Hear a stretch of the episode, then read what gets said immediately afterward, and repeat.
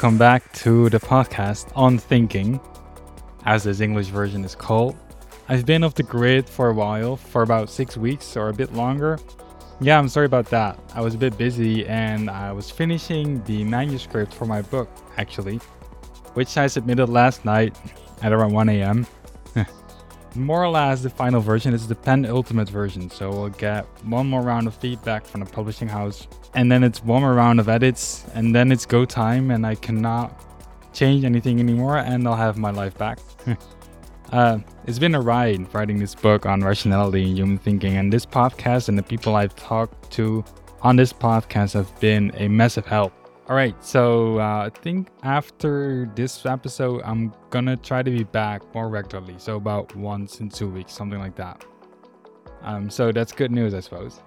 All right, on to today's show. So today I'm speaking with Ben Tappin. So Ben is a cognitive scientist over at MIT, and his research is on how does your identity and your kind of political outlook, like what kind of like what political group you belong to, shape your thinking, shape your reasoning, shape your beliefs. Because there is a lots of claims on this often in the in the media and the press that people just believe what their tribe thinks is right, whatever the social incentives impinge them to do. Not really. They they just they conform to the group rather than thinking for themselves. This is kind of the myth that Ben's researching. Turns out actually that the story is a lot more complicated. So there is, on the one hand, quite some good basic evidence for the influence of identity and social incentives on your cognition, your thinking, but also um, a lot of the evidence doesn't really hold up and points to a lot more complicated stories on how your group and your identity shapes your thinking which is super interesting, but also a bit complicated. And that's the story that we'll explore in today's talk. Um, we jump in uh, when I ask Ben how we approach this topic. So, this question of identity and cognition, like identity and beliefs, two rather abstract notions. How do they come together? Like, how does this does this kind of research begin? That's where we come in and um, I hope you enjoy the conversation.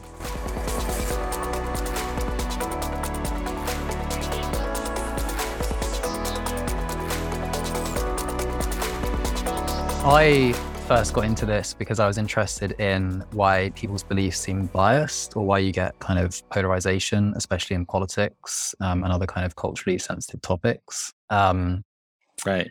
And so the kind of major theories in this space have been trying to explain those types of phenomena. So why people disagree over, you know, the death penalty in America or, you know, gun control, things like issues like that, climate change, other types of issues that are kind of of societal significance. Um, and like the theories like cultural cognition theory, which I think we'll talk about, um, try and kind of identify cognitive processes that contribute to that sort of polarization pattern that we see in the in the wider society.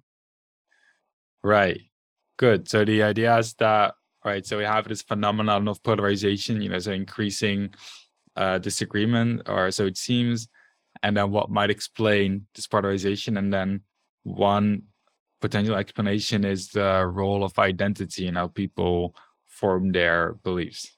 Right. Exactly. And an important point is that most of the stuff that I work on in this space is about polarization over what you could call like empirical beliefs or factual beliefs. So it's not so much right. Attitude polarization, which you could just explain, you know, people have different values, people have different preferences. It's to be expected that people have different attitudes.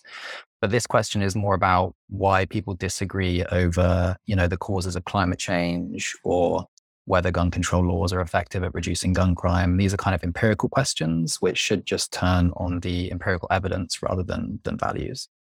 Yeah, right. Good nuance. Yeah, I see what you mean. So disagreement on things like ethical questions or something like that is to some extent to be expected in the sense that there is less of a, you know, probably possibly less of an objective truth about it. So to say an empirical fact is like, you know, there's a microphone here on my desk and just more or less a standard example and also in a more complicated example maybe the principle still holds like about climate change or these kinds of things or uh, whether uh, the vaccine works or not. So there's a there is an empirical fact there. So then uh, it's more puzzling why there is this disagreement about it. Right. That's yeah. That's a good way of putting it. Um, and so that's like one aspect of it, the phenomenon side, and then the where the identity comes in. Um, maybe it's useful now to kind of introduce in a high level like cultural cognition theory, which has been influential in sure. trying to explain explain these phenomena. Um, yeah, let's do that. Yeah, for sure. So cultural cognition theory was kind of introduced by Dan Kahan, um, who's a psychology professor, psychology and law professor. Um, and the kind of basic premise of the theory is that, you know, human belief formation is sensitive to social incentives, um, which is to say that, you know, people care about what others think of them, um, and they care about what, in particular, their family, friends, and coworkers think of them. Um, and so they have an incentive to form particular beliefs that you know help them get rewarded by their community and get status in their community and avoid getting kind of disapproval and ostracism um, if they kind of don't don't hold the correct beliefs about say climate change or something. Yeah right. So the idea is that um, people might have certain beliefs not necessarily because they are true or not, but that's because they kind of score like social points by having those beliefs. Yep, that's the idea. Um, and kind of on its face, right, we can all agree that human beings are kind of very sensitive to social incentives like this. We're very kind of in tune with, you know, what other people think of us, and we try to kind of manage our reputations to kind of get benefits in that way. Um, so that's like an extremely plausible assumption, I think, um, that the theory is based on. Uh, and then the second kind of major premise of the theory, I would say, is that, you know, on issues like climate change, other political issues of that nature, these social incentives are kind of much stronger than the incentive to form accurate beliefs. And so, you know, when we when we see evidence and stuff about these issues, um, the social incentives are what's going to dominate our belief formation. Can you talk a little bit about why these social incentives would be uh, stronger than truth based incentives? Yeah, for sure. So that's a really good point. So, on these types of big societal issues, um, the argument goes that the individual person has relatively little influence over what happens on those issues. So, you know, as an individual voter casting my vote for, say, a pro climate change candidate, um, the chance that my vote has like a decisive impact in getting them elected and getting climate change policy enacted is just very, very slim. And so I don't have much reason to be kind of truth tracking in this way because it doesn't really influence the outcome. Whereas, you know, my social incentives are much more um, kind of vivid to me in day to day life because I interact with my friends and family every day. And if I say the wrong thing about climate change, then I might get in trouble, you know, disapproved of. And, and those costs are much more real to me than the cost of some policy not being enacted in, in five years' time. Right. Yeah. So um, yeah, I think I see what you mean. So for things like climate change, whether or not um, my beliefs about that are true or not doesn't really matter. Like make a lot of like practical difference to my life or not, whether I'm right about it or not. But it does matter to my practical life what kind of the people around me think about me for having uh, certain beliefs about climate change. That's the idea. Yep all right seems commonsensical enough the idea. So um maybe let's get into it like what apart from this kind of common sense grounding that it seems to have what's the more kind of experimental scientific evidence for it? Yep sounds good. So um one implication of the theory the cultural cognition theory is that you know, people's reasoning about evidence on these issues is going to be biased by the social incentives they have to conform with their community or, you know, their friend's position. Um, and so the experiments that have tried to test this implication um, use a particular type of design, um, which I'll just like briefly describe now to kind of ground the, the conversation. So we call it, uh, me and my collaborators in, in work on this, the outcome switching design. And the basic idea is that you know imagine imagine a study where american uh, participants are asked about um, you know, they're shown some study on gun control laws, uh, like a scientific study on gun control laws, where the study was trying to see whether the laws um, reduced gun crime or didn't have any effect. Um, right. And so in this experiment, people are asked like how good the study is, like if it's a reliable study, if they trust it, so on. Um, and so obviously you have, say, Republicans and Democrats in the sample of participants here. And Democrats to kind of have a social incentive to say that the gun control uh, laws work to reduce gun crime, because that's kind of a position in the Democrat community and the community in the left in America. Whereas the right. Republicans have kind of this different social incentive oftentimes, which is to say that stricter laws don't really help reduce reduce gun crime. So you have these conflicting incentives.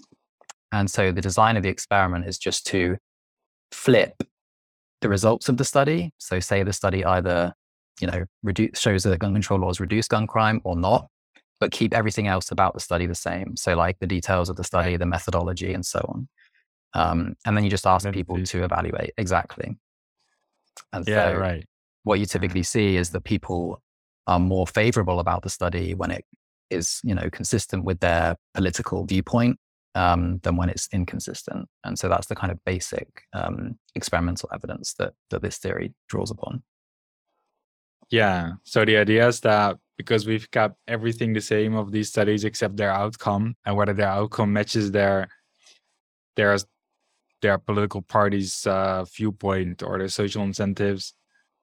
Um, the fact that it gets a higher rating when it matches their social incentives means that the social incentives are explaining the the difference or like doing some work here. Right like distorting their processing of the of the evidence basically yeah.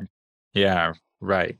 Because otherwise so often in these experiments the kind of ideal observer would just rate the studies the same in both in both conditions because the methodology yeah. doesn't change right? Um, and this is kind of like the idea behind things like um, pre-registration in science right? It's like you want to show the methods and everything up front so that when you learn the results it doesn't affect your evaluation of, of the methods. The methods should be kind of separate from the results. Right. Yeah but maybe we're skipping ahead here now. But so the first thought that comes to my mind is that, um, you know, these scientific studies they are usually kind of complicated. So if you just ask, like lay people, uh, about the quality, it doesn't seem obviously like weird or irrational for them to kind of use the outcome of the study as kind of an indication of methodological quality of it. Right, absolutely. So that's one criticism that we we could talk about um, now or, or, a bit later that um, my colleagues have kind of tried to draw out a bit more. Um, and you know, yeah, as you said, just pointing out that this doesn't seem like it just shows evidence of social incentives. It seems like there might be something more going on here that explains explains these pattern of results. Um, so we could talk about yeah. that now, or we could talk about some other evidence of the uh, cultural cognition, like the numeracy motivated numeracy experiments yeah, let's talk a bit about a bit more of the evidence in favor of it to just round that up. Yeah, so because I think what you said about this these study ratings, so this, these ratings of informational quality, they are also about uh that has also been researched in the context of not just gun control but climate change, right? And then they either ask them about study quality or expert trustworthiness or something, and then they found the same thing. Like if you have experts, they have all the same characteristics, and then the Republicans and Democrats, and then the one that kind of aligns with your viewpoint gets a higher rating on average. Yep, absolutely. So that's another kind of class of study design that is used. Um, and then there's this kind of third class of study design, which uh, really is is still part of the outcome switching. It's still like an outcome switching mm-hmm. design, um, and it comes from these quite influential um, experiments on motivated numeracy that they're called. Um, and so I'll just briefly sketch out what the design is, um, just so we're all on board with, with it for our conversation. So it's the same basic setup as the outcome switching design that I just described. Um, so in the classic study, uh, again, American participants, you know, are told that some cities in America have enacted stricter gun control laws, whereas other cities did not. Um, and then participants are shown fictional data about the number of cities in which crime increased versus decreased. So they have kind of evidence about whether the the laws worked to reduce gun crime or not. And right. so correctly interpreting whether the stricter gun laws actually work to reduce crime across the cities requires some numerical ability, right? So it requires you to look at the evidence and in your head compute the proportion of cities in which crime increased versus decreased among those that enabled stricter laws and compare it to the proportion in which crime increased versus decreased among those cities that did not enact the stricter gun control laws. Yeah, so this is because of the, so what does the table look like again exactly? It's like you got um some studies some cities that did have the stricter laws, some cities did not, and then it's kind of like a two two times two table. Yeah, so it's like they yeah. did versus did not on the rows, and then on the columns is like um, uh, whether crime increased or decreased in the city. So you have like a two by two kind of grid, right. and then there are like the number of cities that correspond to each cell as just numbers inside the inside the table. Yeah, right. And then of course it's rigged in such a way that for um and then it's rigged in two ways depending on whether you're a Democrat or Republican, which you get to see. Uh, That's right. That's right. right. So, so the basic idea is like the task is set up so that the like easier strategy of just focusing on how big the raw numbers of cities are um, gives like the wrong answer, the objectively wrong answer about what um, what worked to reduce gun crime. Um, and so you have to do more work to figure out what the correct answer is. It's like a hard numerical problem to figure out the correct answer. Um, and the key result, right. as you said, is like people are more likely to get the objectively correct answer when the easy strategy gives them an answer that goes against their political identity. So when they kind of check the easy answer mm-hmm. and it goes against their identity, then they think more about it, and some of them get the correct answer uh, more often. Um, so you know, if if the easy strategy implies that stricter gun laws increased crime, then Democrats are more likely to get the correct answer than if the strategy implied that the stricter laws decreased crime, right? So it's like motivating them to right. think more about the problem, um, and vice versa for Republicans. Right. Right. I see. And then the inference is that you're going to think harder about this one because the easy strategy suggests a solution that's incompatible with your like identity. Yep. Like incompatible with the social incentives, social conformity yeah. incentives that you have. Yeah. The first thought I had there was all right, so one possible explanation is that you're looking harder at the, the data, at the table, when it's inconsistent with your social incentives. That's the, the inference that cultural cognition would drop. But you're also just looking harder at it because you think the easy answer is just not true. Right? Right. Right, exactly. So you're touching on the on one of the core criticisms here again that, that we've made in, in some work with colleagues and has been made elsewhere in general about these types of designs. Um, so as you suggest, the basic problem is that using people's party identification um, or really any other measure of community kind of cleavage, like between left and right, or you know, egalitarian and, and non-egalitarian, whatever. This is assumed to only track people's social incentives to conform, but actually it also tracks their exposure to particular types of information, um, and therefore kind of their prior beliefs and assumptions about the the issue in question. So, you know, for example, a Democrat um, may be socially incentivized to believe that gun control laws reduce crime, uh, but they may also be exposed to evidence and arguments that this is in fact the case, right? Um, you know that that gun control laws do help to reduce gun crime, and so when they arrive into the experiment, Democrats and Republicans have different conformity incentives, yes, but they also have different prior beliefs about the effect of gun control laws. So it's not clear yet from this design whether they're going to kind of think harder about it because it's not good for the social incentives or because it's just more plainly inconsistent with their beliefs whether or not you know social incentives don't really come into the picture then? Right. That's that's the argument. Um and so there are a couple of pieces of evidence like independent evidence that we can talk about that make that case. Um so one piece of evidence is just empirical evidence from other types of studies where prior beliefs and reasoning are examined independent of social incentives and political incentives, and you find similar patterns of, uh, you know, prior beliefs affecting people's reasoning. And so, one nice right. example is like this study by uh, Jonathan Koehler, is his name, um, where he got participants to read. Um, he got a group of participants and split them in two, and got one group to read about this new scientific hypothesis and how the brand new fictitious hypothesis was really well supported by evidence. And the other group, he um, gave them evidence that suggested the hypothesis wasn't well supported um, by, by evidence. And this was just like a made up hypothesis. It was nothing to do with any political topic. It was kind of just neutral. Um, right. And so he took these two groups after showing them this different information and then showed them information that suggested the hypothesis was either true or false. So an extra bit of information and asked them to evaluate the quality of that information. So it's kind of doing this outcome switching design after experimentally manipulating people's prior beliefs. Um, right. So, because so first you get some information that either this hypothesis is probably true or probably not. And then in the second phase, you get information that kind of goes the other way. Exactly right. Exactly right. So it's mimicking this type of outcome switching design. Yeah, exactly. Yeah. And so he found that um, people who, you know, were led to believe the hypothesis was really strongly supported said that studies that disagreed with that were actually of lower quality compared yeah. to studies that supported it, and vice versa for the other group who initially were led to believe the hypothesis was not well supported.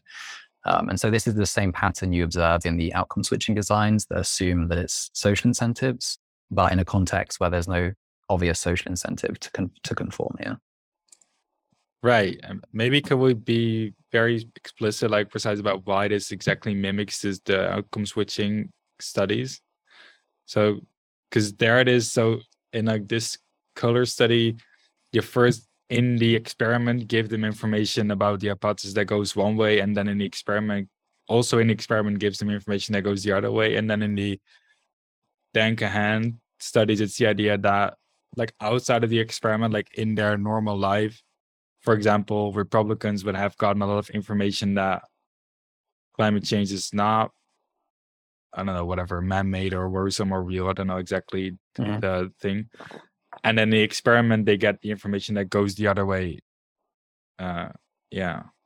That's right. So the first phase of the Koehler experiment is like trying to you know artificially construct a group of democrats and republicans by showing them different information um, and then the second phase of the experiment is like the outcome switching design where he shows them another study which either can you know con- conflicts with their priors or confirms their priors and just sees how they evaluate the information. Other evidence consistent with this uh, comes from some very kind of dry cognitive uh, cognitive processing tasks called belief bias tasks. So um, these are like uh, also called syllogistic or you know syllogistic reasoning tasks, syllogisms, where participants are presented with two premises um, and a conclusion. And they're asked whether the conclusion logically follows from the two premises that they're given. Um, so, an example might be, you know, all mammals can walk, whales are mammals, therefore whales can walk. And the participants are supposed to determine whether the conclusion logically follows from the, the two premises that were given. Um, so, this is like a reasoning task. Um, and the robust result from these types of tasks is that people's reasoning about the validity of the conclusion is affected by whether the conclusion is consistent with their prior beliefs. So, in the example I just gave, uh, all mammals can walk, whales are mammals, therefore whales can walk is logically consistent, as in the conclusion follows from the two premises I gave. But the conclusion kind of violates our prior beliefs. Like, you know whales can't walk, right? And so that kind of distorts people's reasoning and leads them to conclude that actually it doesn't follow logically from the two premises when it does. Um, right. That makes sense.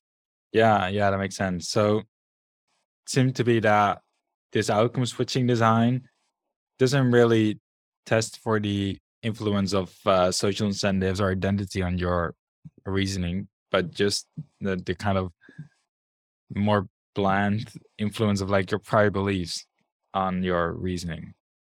Right. I think, right? yeah, I think like it's hard to tell basically. I, I wouldn't yeah. want to one way or the other, but I think it's like definitely a confound in these designs um, yeah. that based on this other evidence, I think is like not ignorable in this way.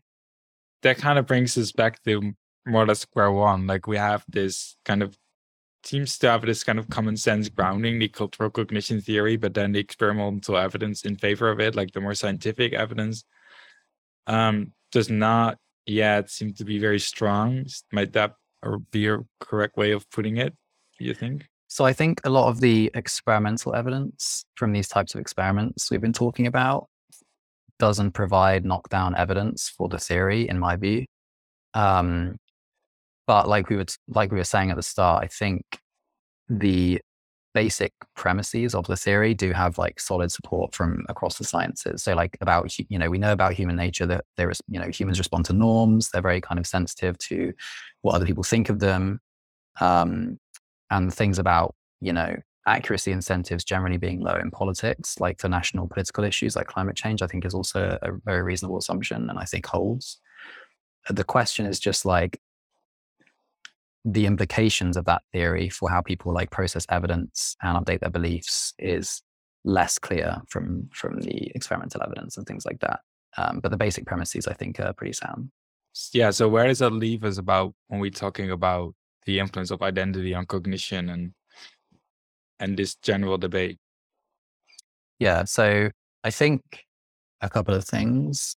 One kind of important thing that gets missed sometimes in these debates and, and these studies is the difference between asking people what they think about some information you gave them. So whether this information is good quality, whether you like it, whether it's convincing, whatever, versus actually measuring the effect that it has on their beliefs um, in question. So, you know, if I give you a piece of information about climate change and I ask you, is this convincing compared to actually measure your beliefs in climate change after you saw the information, those two things um, are different and like importantly different. Um, and when we're in the business of thinking about and researching belief change and things like that, my inclination is that measuring belief change directly rather than asking people about the evidence is kind of more what we want, what we want to be doing. Um, yeah, right. And so there's like a nice example I can give you where the two outcome variables come apart in a way that's kind of misleading. So um, this is a cool paper that was actually published by uh, uh, Kunda of motivated reasoning uh, fame. Uh, so she wrote mm-hmm. this big motivated reasoning review article, but this is a different study. And so in these studies, um, she recruits subjects who are men and women, um, and they're either light coffee drinkers or heavy coffee drinkers.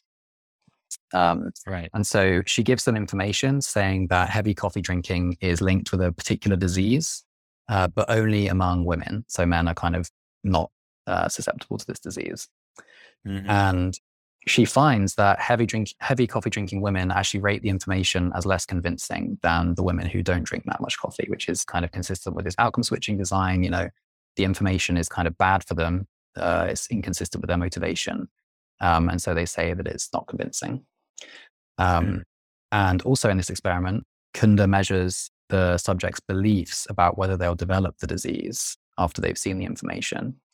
And it turns out that the heavy, co- heavy coffee drinking women are actually much more likely to say they'll develop the disease than the women who drank small amounts of coffee. So they updated their mm. beliefs despite appearing skeptical of the evidence.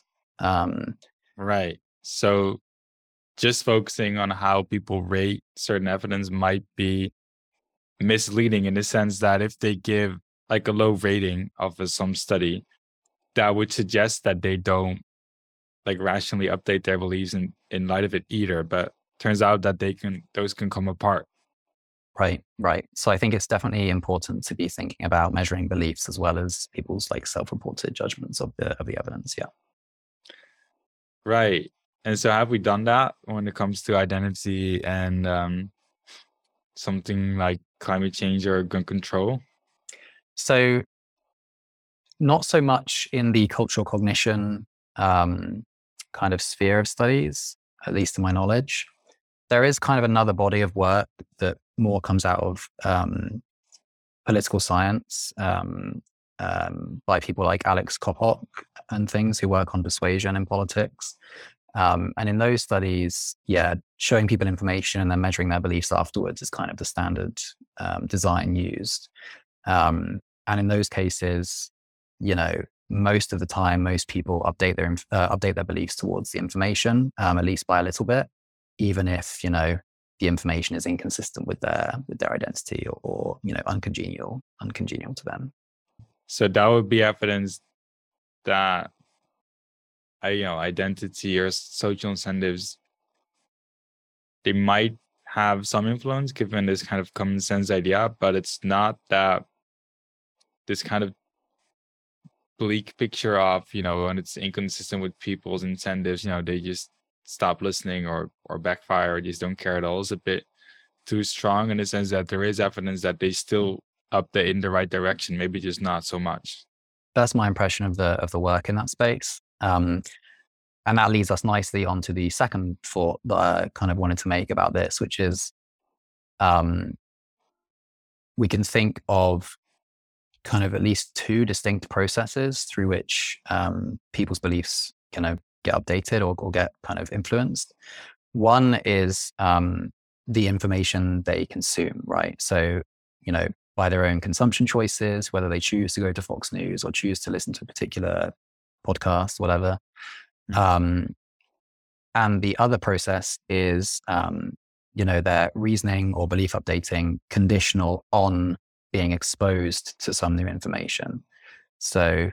it's kind of like once you've been exposed to it, then how does the cognitive processing work from there? Um, and so all of the work we've been talking about so far has been on the conditional on exposure. How does your belief change or how does your reasoning get affected? Um, we haven't been talking about, you know, what causes people to pick particular types of information to consume or not, or whatever. Um, right. And I think that's kind of deliberate in a lot of cases with the cultural cognition thesis, which tends to kind of focus on, you know, even if people were exposed to new, inf- uh, like, the same types of information, because they have different conformity incentives, they would still show bias in their evaluation of the information and update their beliefs in different ways. Um, and they say it doesn't say that much about kind of people's information sampling or information consumption behavior in the real world. Um, and so, at least in my mind, you know, it's plausible that a lot of the conformity incentive stuff happens on the information sampling, information consumption. People just choose to consume things that are like either, you know, denigrating the other side or consistent with their own side stuff or whatever. Um, but then once you get information in front of people, then they have like much less power to kind of like ignore it or whatever because it's like for some reason it's just kind of in their face and they have to just process it and there's not much flexibility there. Right. So maybe we should be looking at things like selective exposure and those kinds of things. Right. Also you know i think i'm not sure how much selective exposure happens honestly. Um, i think people are exposed to like a range of ideas but they're exposed to them in a way that are kind of packaged to promote one side and discredit another side. Um, so, you know, mm. on Fox News, for instance, they won't not talk about what the Democrats are doing, but they'll talk about it in a way that is kind of, you know, poking holes in it and saying how bad it is and kind of putting spin in, in these different ways that makes it seem like the Republicans are doing the right thing. Um, so it's not kind of a simple selective exposure story, I would say. Right. So the general impression that one starts to get from from uh, this field of research, it's more or less like it's complicated. right. Yes, I feel like that a lot. Mm-hmm. Um, yeah, but if I would have to try to summarize it and try to draw to a conclusion, it would more or less be something like we just said. Like the there is some kind of influence on identity, obviously like but probably both in the selective exposure thing even though you know it's not clear how much it really happens uh, i have the same impression of the evidence. It's just be a bit overblown i think and also on information processing but uh, like in updating beliefs and so on but influence is not not some not as big or you know as kind of wildly irrational as it's as it's sometimes kind of framed to be.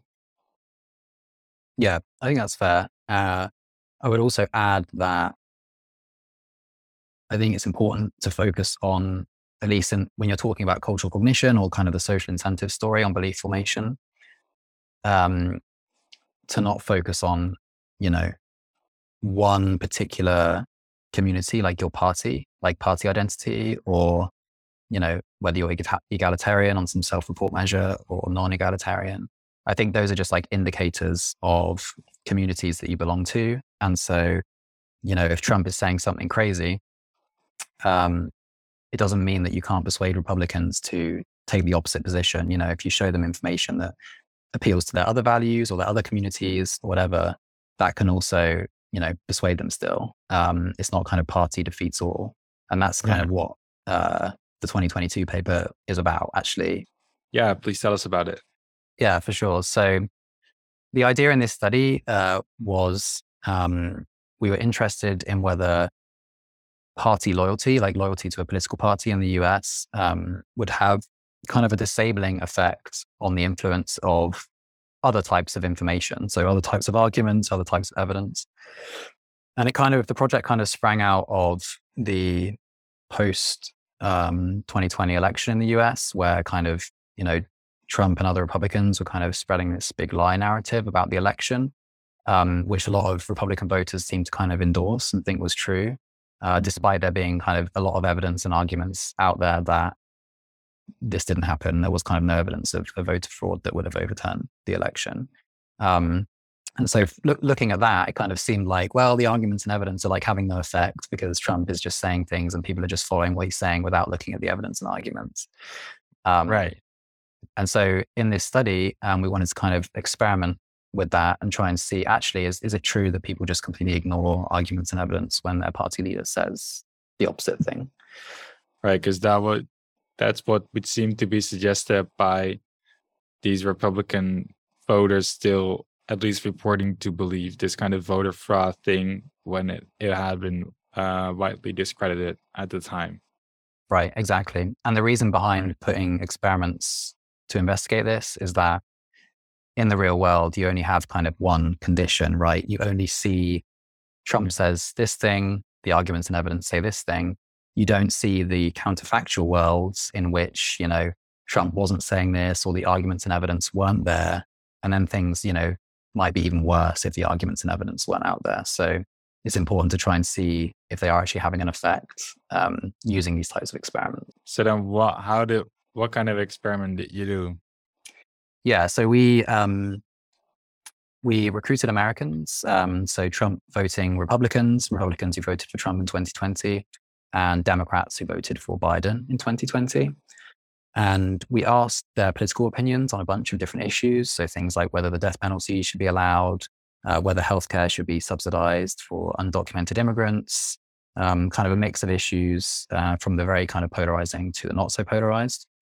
Um, and on each issue that we asked people about, we randomized people to one of four conditions.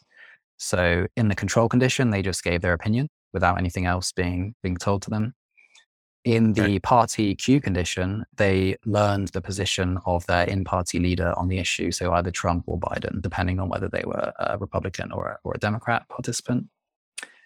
In the third condition, um, which is the information condition, they received an argument that tried to persuade them to adopt the position um, that was in fact opposite to that of their party leader. So if you're a so, Republican, yeah. So wait, in condition two, they first stated their opinion and then they learned about the um, the party position, or other way around. Right. Yeah, other way around. Yeah. So they uh, right. learned the party position and then and then gave their opinion. Yeah. Right, and then you want to see whether that was different from the control. Yeah, right. You see, and right. then uh, and so and, and group three, so condition three. Yeah, so condition three, um, they received information uh, that contained an argument trying to persuade them to adopt a position on the issue. So just like a text based argument. Um, yeah. And the important thing is that this information argument was trying to persuade them of the opposite position to their party leader. So, you know, if I'm a Republican and Trump supports this policy, then the argument I receive, if I'm in that condition, will be trying to persuade me to oppose the policy. So it's always kind of against what the party leader is is, is taking a stand on. Right. So that's the third condition. And then the final condition is, is people who get both of those things. So they get either, so they get both like the party position and also the argument arguing the opposite direction. Yeah, right. So my first, I was thinking that in condition two, why would you expect that to be different from the control? Because they would already have that, but the control would also have the party position on average. If Right. they're already kind of aligned with their party, you mean? Yeah, if they know what the party position is and they align with it. And so, yeah. Yeah, so so that is the, so in this type of research that looks at the effects of, of party position cues on people's opinions, that's always a risk because you Mhm. know it might just be saturated and people already already know it. Um, in this particular study, that wasn't the case. We saw like Oh, quite okay. large quite large effects of people of Right. people's updating. Yeah. Um, So that, what did you find in each of the of the conditions? Yeah. So, as I said, the basic idea of the experiment was to see whether the causal effect of the argument um, was weakened or completely disabled once people knew that their party leader like explicitly endorsed the opposite the opposite position. So, you know, whether it just undermined the effect of the of the argument. Um, and That was about condition four, mostly. So it's actually like an interaction effect. So it's all four conditions are involved. Oh, So it's like you want to compare the effect of the argument against the control group uh, without the party cue being there. So that's like the baseline effect of the argument. And you want Oh, to right, compare that right. to the effect of the argument when the party cue is there, which is the other two conditions. Um, and that that effect should be smaller if the leader is like undermining the effect of the argument by by disagreeing with it. Right. So you're comparing the effect of people who got just the argument versus the ones who got and the argument and the party cue. That's basically the idea, yeah. And so the causal effect is kind of revealed by comparing those to the control group and the party cue only group, yeah. Yeah, interesting. It always amazes me how subtly complex those experimental designs can be. Yeah, yeah, yeah. We've just gone through a review with the paper and it's um yeah, having to just do a lot of explaining about uh what yeah, what the design is. yeah. um All right. So so but what what what are the results? yeah, so we didn't actually find any evidence that the um causal effect of the argument was undermined by the fact that they knew the party leader took a different position. Um so the party cue by itself did affect people's attitudes, but the effect of the argument didn't change, irrespective of whether the people knew the leader disagreed with it or not. Um, and this was a pretty like general result. It appeared across a bunch of different political issues, um, as well as across demographic groups that we had in the experiment. So, you know, people who follow politics more closely versus not. Um, you know, uh, people who are kind of strong partisans versus weak partisans. So it's quite a general uh, result. Um, and this kind of speaks against this idea, right, that like activating party identity or loyalty distorts their ability to process other types of information, especially counterparts and information. um, we didn't find any evidence of that. Yeah, right. So so kind of the um, the maybe I don't know mainstream popular idea is that if you activate this identity, then kind of normal reasoning is done and you're kind of lost, you know, in the worst case scenario at least. But you found that you activate this party cue, but then the argument still has can have an effect in the opposite direction. Like it's not kind of closed off once you get that party identity social incentives thing in there. That's right. Yeah.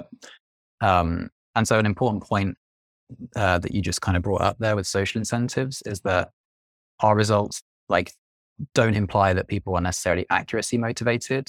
Um, for instance, like you know, the information that people receive contained arguments that tried to appeal to their values and things like that. Um, and people's values, of course, can be socially reinforced by their communities. Um, and so this goes back to what we were saying before about party identity just being one indicator of like conformity or social incentives that you might have. Um, people's values could be another indicator. Um, and so our results could just be the battle of conformity incentives in opposite directions, right? It doesn't necessarily mean that it's about accuracy uh, motivations. Because so the the other conformity would be to kind of not appear dumb to the experimenter by not understanding the argument. Yeah, or, or like, or you recognize in the argument that the values being appealed to are values that your community, your friends, coworkers, families like. And so that's exerting some, you know, social conformity pressure there as well, um, in the opposite direction to the what the party leader is saying. Right. Yeah, right. So it might it need not suggest that this accuracy thing. It might also just suggest that party identity is like just one of many kind of social things, and it's not might not necessarily be like this super important factor. Right. That's right. Um, that's that's what we kind of conclude from the from the results. Yeah. Right. Interesting. Yeah. Yeah. So a lot of lots of studies that we covered uh, today. yeah. Yeah. Um, I can send like links to the different ones we spoke about if you wanted to to link them to your to your listeners or. Yeah, I think I've got most of them, but not all of them. So yeah, please do that, and then I'll link them. I'll link them in the show notes. Great. Sounds good. All right, Ben. Thank you very much. Yeah, thanks for having me. It was a pleasure to talk to you.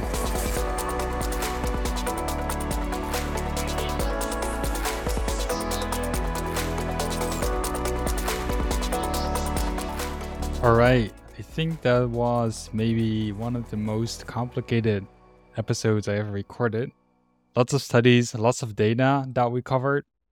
But I hope this gives you some useful background when you hear some kind of claim about how identity is hijacking our thinking or about why people only believe what their tribal incentives force them to believe and so on. And when you read one of these headlines, um, think twice before you believe them. All right, that's it. And um, I'll catch you in a couple of weeks.